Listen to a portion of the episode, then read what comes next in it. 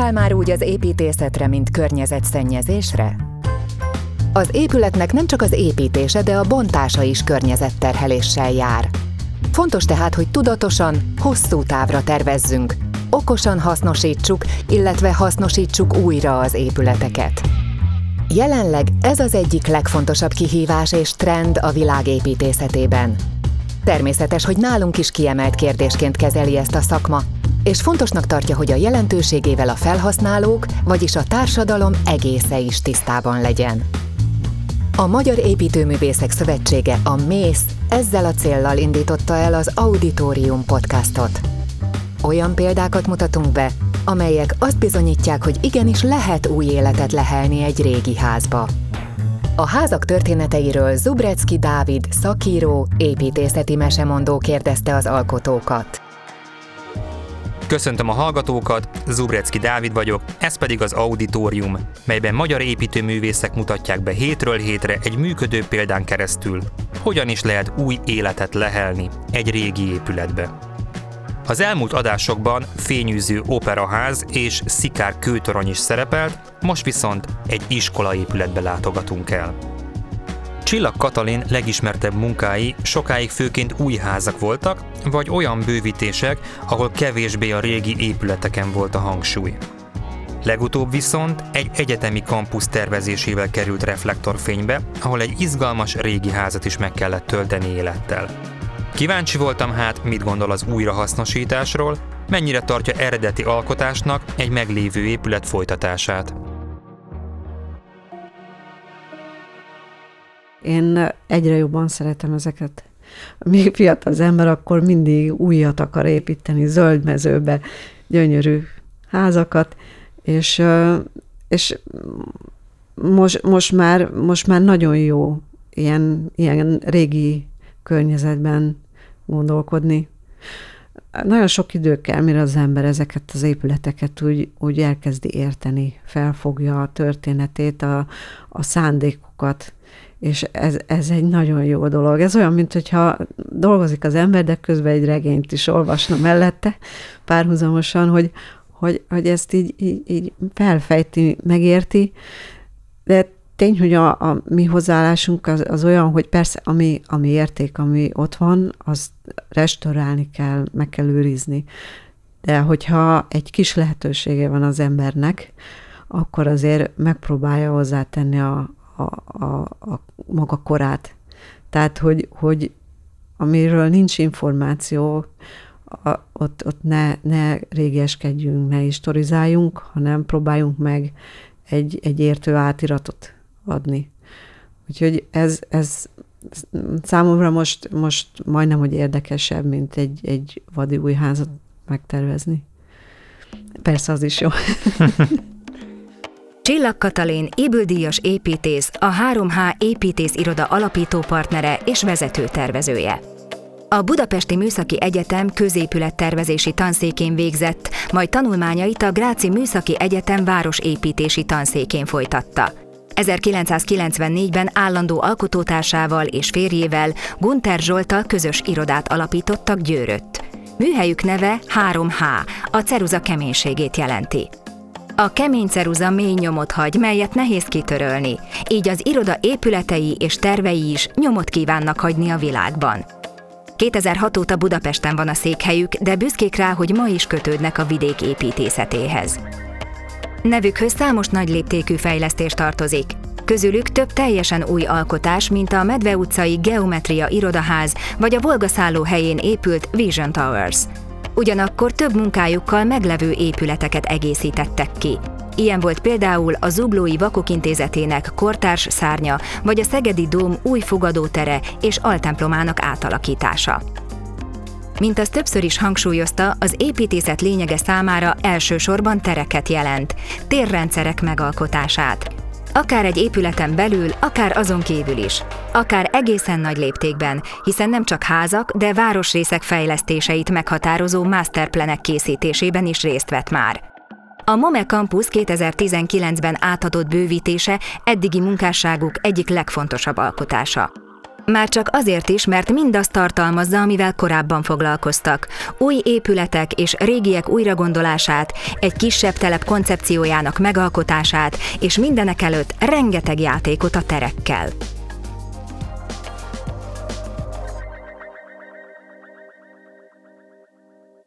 Én még ismertem a Farkasdi tanár urat, mert én még éppen elcsíptem az egyetemen, tehát 92-ben végeztem. A Zsoltnak volt korrektora is, tehát mi még így nagyon szörmentén, de úgymond találkoztunk.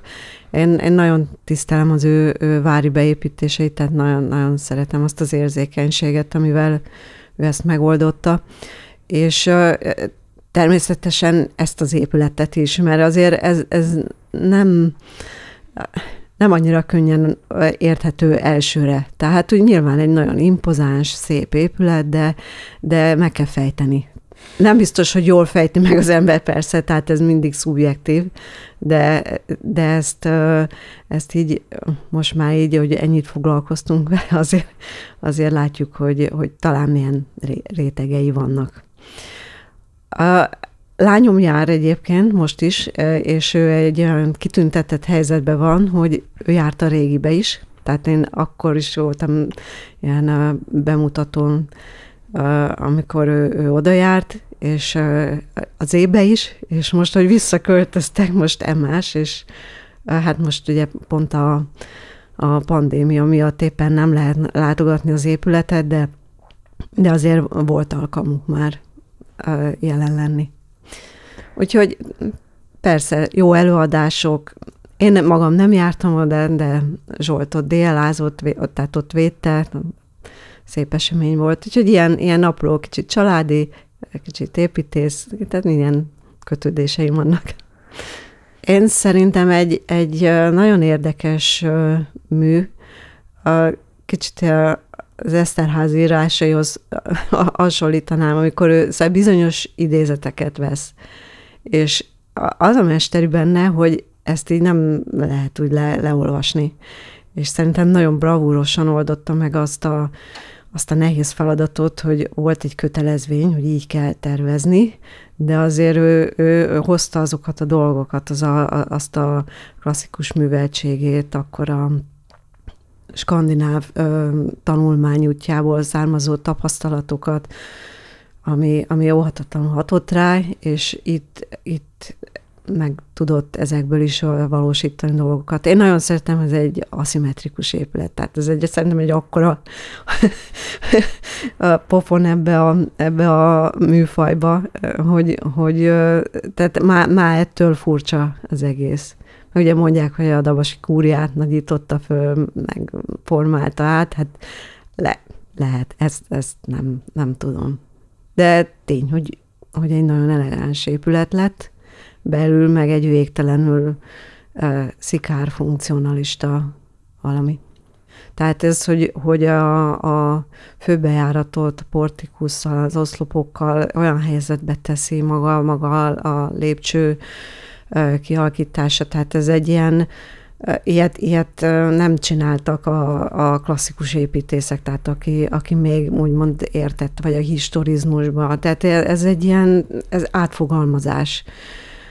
És uh, uh, szerintem a belső, uh, a nagy teremnek a díszítése az sem egy, egy olyan, hogy erre lett volna valamilyen kotta, hogy a szociálba így kell uh, díszíteni, hanem, hanem ez is egy ilyen nagyon, nagyon szubjektív díszítésrend, de ehhez természetesen ismerni kellett azokat a klasszikus példákat, amik tényleg az építészet történetben ott vannak.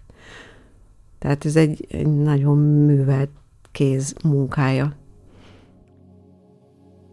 A Moholi Nagy Művészeti Egyetem Zugligeti úti kampuszának középpontjában egy klasszikus megjelenésű épület áll, széles lépcsővel, árkádos, oszloprendes, timpanonos főbejárattal. Tervezője Farkasdi Zoltán modernista építész volt, aki a háború után Dániában együtt dolgozhatott a Sydney Operaház későbbi alkotójával, Jön Utzonnal. Hazatérve azonban alkalmazkodnia kellett a szovjet nyomásra bevezetett kötelező arhaizáláshoz, amely csak szocialista, realista épületek megépítését engedélyezte. Farkasdinak azonban sikerült egy szép és átgondolt épületet alkotnia ilyen kötelezettségekkel is, a magyar építészeti hagyományokra támaszkodva, igazodva a telken klasszicista villastílusához, belecsempészve egy cseppnyi modernitást is. A Limpek Jolán, Minári Olga és Mészáros Géza közreműködésével megvalósult ház 1954 óta megélt néhány kisebb toldást és átalakítást, ám alapvetően változatlan formában maradt fent mind a mai napig. A mellette elterülő lankán először a Farkasdi által megálmodott koncepció szerint, majd később némileg kaotikusan elkezdtek kinőni az Iparművészeti Főiskola különböző épületei. A 2010-es évekre már megérett az idő a változtatásra. Előbb két új épületet húztak fel, Reimholz Péter, Csomai Zsófia és Német Tamás tervei szerint. Ám az igazi nehézséget a központi épület újragondolása és a további fejlesztések beillesztése jelentette. Ezt a feladatot kapta meg Csillag Katalin és Gunter Zsolt. A pályázatnál azért nem ez volt az első változat, amit, amit lerajzoltunk, hanem nagyon sokféle más uh, lett papírra vetve, és nekünk az egy nagy felismerés volt, amikor rájöttünk, hogy, hogy ennek a, az épületnek a tengelyrendszere az, amire ezt az összes funkciót lényegében fel lehet fűzni. Tehát középpontban van egyrészt, másrészt pedig szervezés, tehát az általa megvalósított tengely rendszer szervezés az egész működést. És innentől, amikor mi ezt így, így megtaláltuk, akkor, akkor nagy volt az élmény. Hurrá, megvan a tuti. Persze utána még sok variálás volt apróságokon, de alapvetően ez úgy rendbe tette az egészet és kontextusba is tudtuk hozni a, a, a többi, tehát ami nem hozzánk tartozott, azokat a részeket is, tehát a, a műhelyháznak a, a kapcsolatait.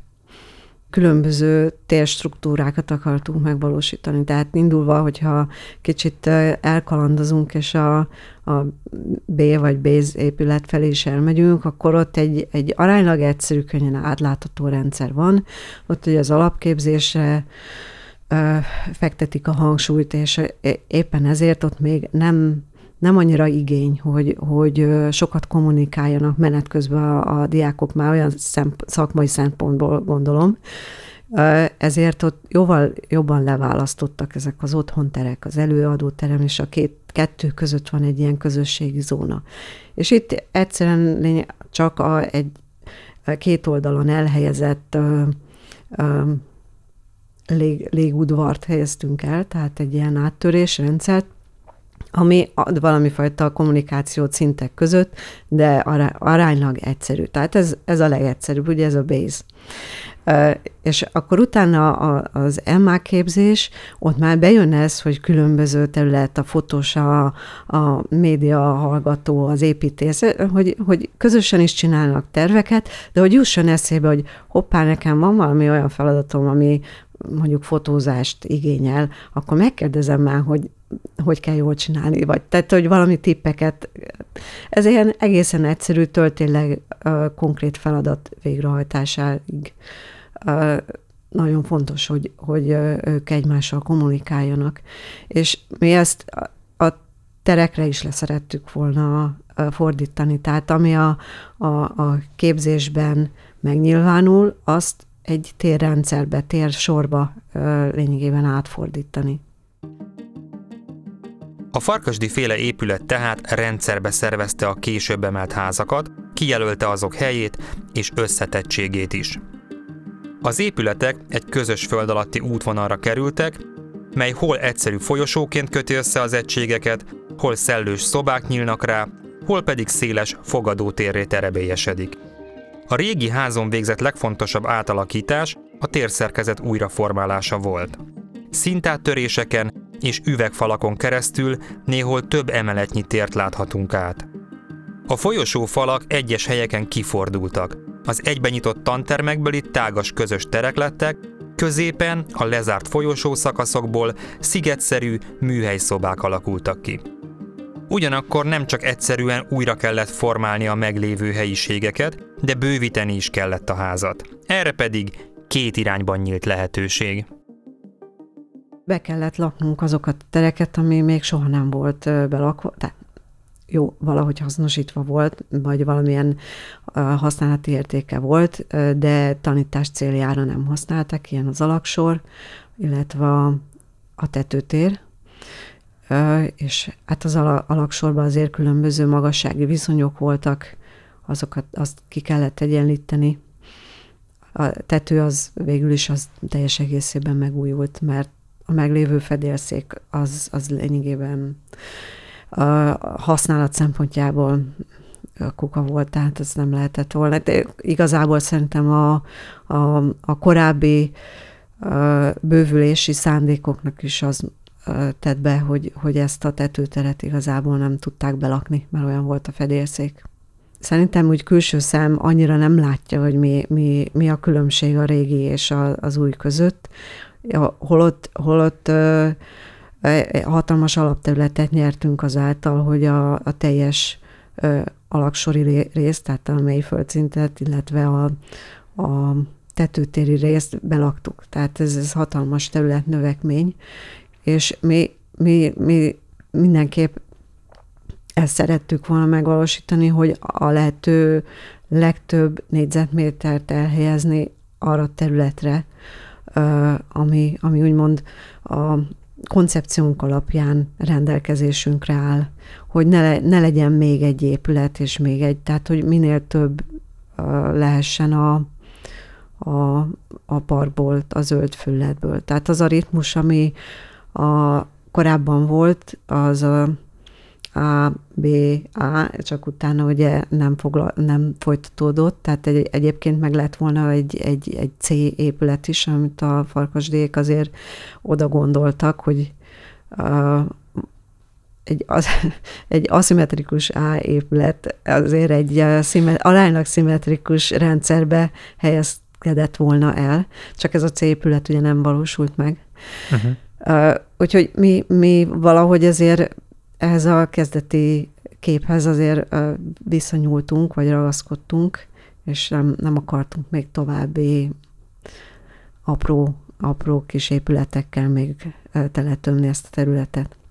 Ezért lett, lett több minden a, a földdel átéve, de úgy, hogy, hogy például az aula, a nagy, nagy központi aula azért elég rendesen meg van nyitva az udvar felé, tehát nem, nem úgy érzi magát az ember, hogy hú, hát itt vagyok a föld alatt. A háznak nagyon sok szerethető részlete van. Egyik kedvencem például az egykori főbejárathoz vezető lépcső fokaiba vágott felülvilágítók. Észrevétlenül juttatnak fényt az alaksori terekbe, de egy kicsit mégis könnyedebbé varázsolják a feljáratot. És hogy mire a legbüszkébb a tervező? Hogy mit szeret a legjobban az újjászületett házon? Ez olyan, mint az ember gyereke, tehát nem az orrát külön nem szeretem, a fülét külön nem szeretem. Én alapvetően úgy szeretem, amilyen lett, de persze vannak nagyon, nagyon szép, szép részek. Én, én szeretem azt az élményt, amikor át, átmegyünk a, a, az aulából, a föld alatti aulából az áépület felé, tehát ez a, ez a lépcső a maga kötöttségével együtt szerintem egy, egy, egy, egy szép élmény de a, az aulákat is külön-külön nagyon szeretem. Tehát azokat a kicsi aulákat, ami, amik a, ahova a lépcső mindig megérkezik. És ugye régen ez volt a, a kiállító terek helye, a találkozási terek helye. Úgyhogy ez, ezek is így, mint hogyha így leválasztom a többiről, akkor szerintem egy, egy, egy nagyon jó részek, részek, és ezek közül is, a, ami ami nagyon nagy vonalú lett szerintem a, az auditorium előtti ö, tér, mert ott ugye elbontottuk azokat az utólag beépített szobákat, ahol régen a rektori volt, meg fölötte még irodák, tehát a következő szinten irodák, és nem, igazából nem tudom, hogy ez a beépítés mikor készült, de biztos, hogy eredetileg nem így volt, mert különben nem lett volna értelme annak az erkének. Én legalábbis így gondolom, de tény, hogy a, az eredeti terveket így nem, nem ismerjük.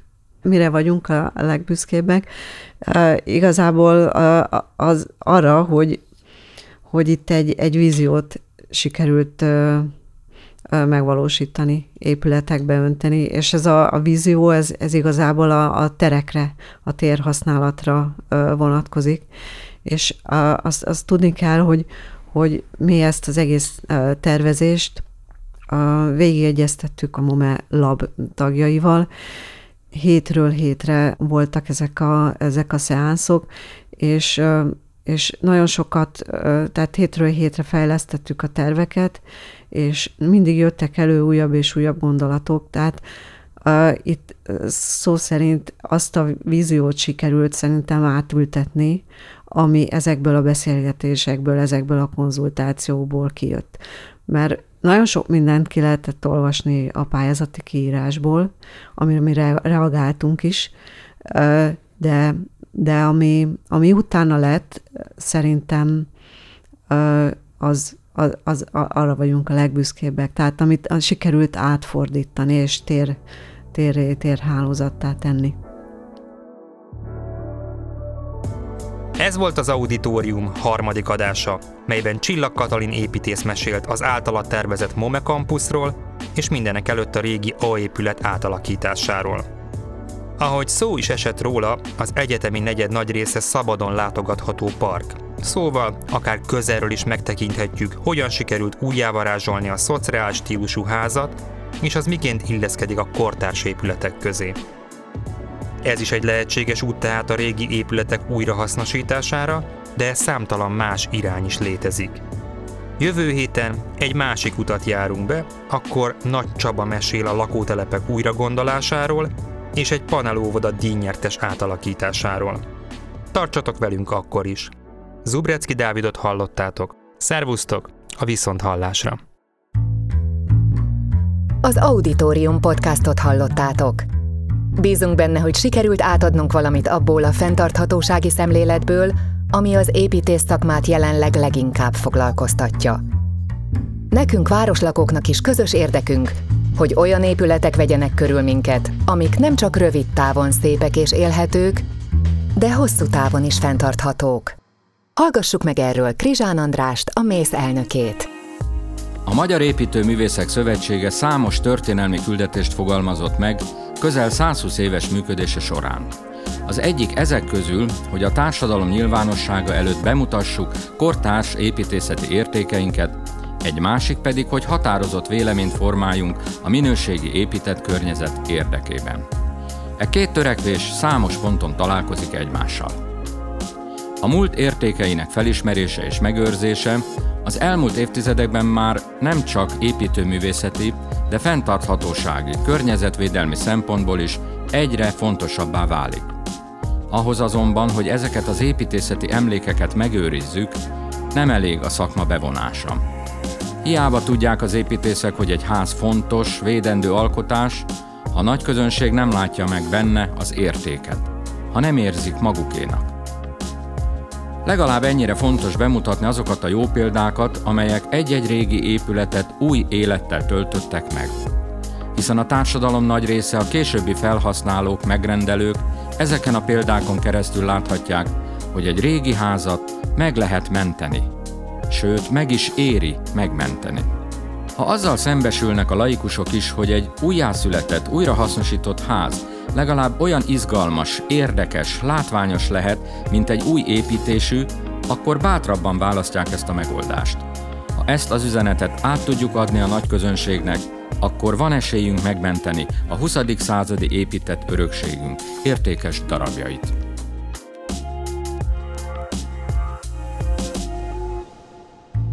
További építészeti témákkal találkozhattok, ha bekövetitek a Magyar Építőművészek Szövetségét a Facebookon, az Auditorium podcast adásaira pedig az Apple Podcast, a Spotify és a Google Podcast applikációban tudtok feliratkozni, vagy bárhol, ahol most hallgattok minket. Értékeld a környezeted, és ha tetszett az adásunk, akkor a műsort is a lejátszóban. Üljetek be legközelebb is az auditoriumba. Várunk titeket!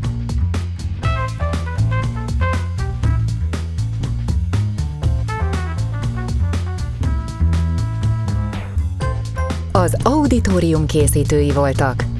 Műsorvezető Zubrecki Dávid. Narrátor Bertalan Ágnes és Zsigmond Tamara.